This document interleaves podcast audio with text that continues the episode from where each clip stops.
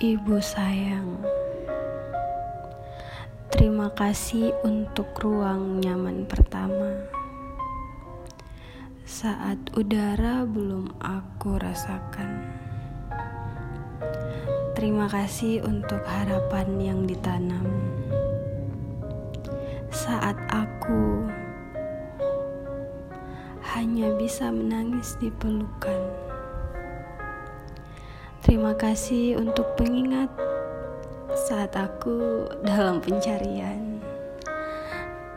Terima kasih untuk penguat saat aku ragu di persimpangan.